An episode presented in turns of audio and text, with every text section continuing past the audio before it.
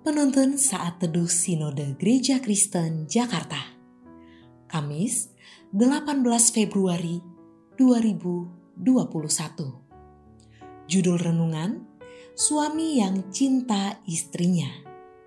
Diambil dari Nats Kejadian 24 ayat 67 Lalu Ishak membawa Ribka ke dalam kemah Sarah ibunya dan mengambil dia menjadi istrinya. Ishak mencintainya dan demikian ia dihiburkan setelah ibunya meninggal. Kakek Masao dan nenek Miyako dinobatkan oleh Guinness World Records sebagai pasangan setia tertua di dunia. Mereka berdua telah menikah pada bulan Oktober 1936. Hitung sendiri berapa usia pernikahan mereka. Sudah sangat tua. Tidak mudah mempertahankan pernikahan sampai usia senja di masa sekarang ini. Banyak pernikahan menjadi kandas dan berakhir hancur. Salah satu pasangan yang setia dalam Alkitab adalah Ishak dan Ribka.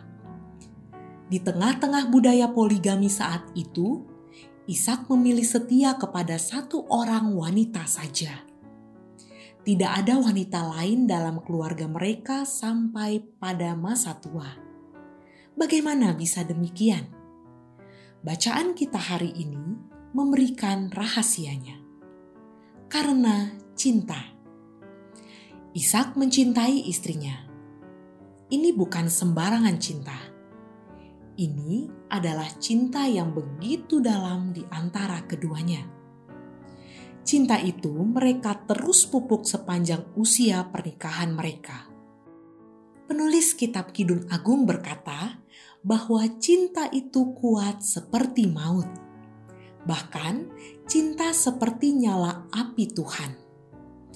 Cinta seperti itu tidak dapat dipadamkan oleh apa pun dan oleh siapa pun Cinta yang tidak akan luntur oleh waktu adalah cinta yang bersumber dari kasih Allah.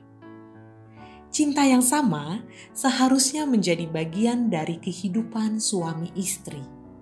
Sangat disayangkan, begitu banyak pernikahan hari ini kehilangan api cinta itu.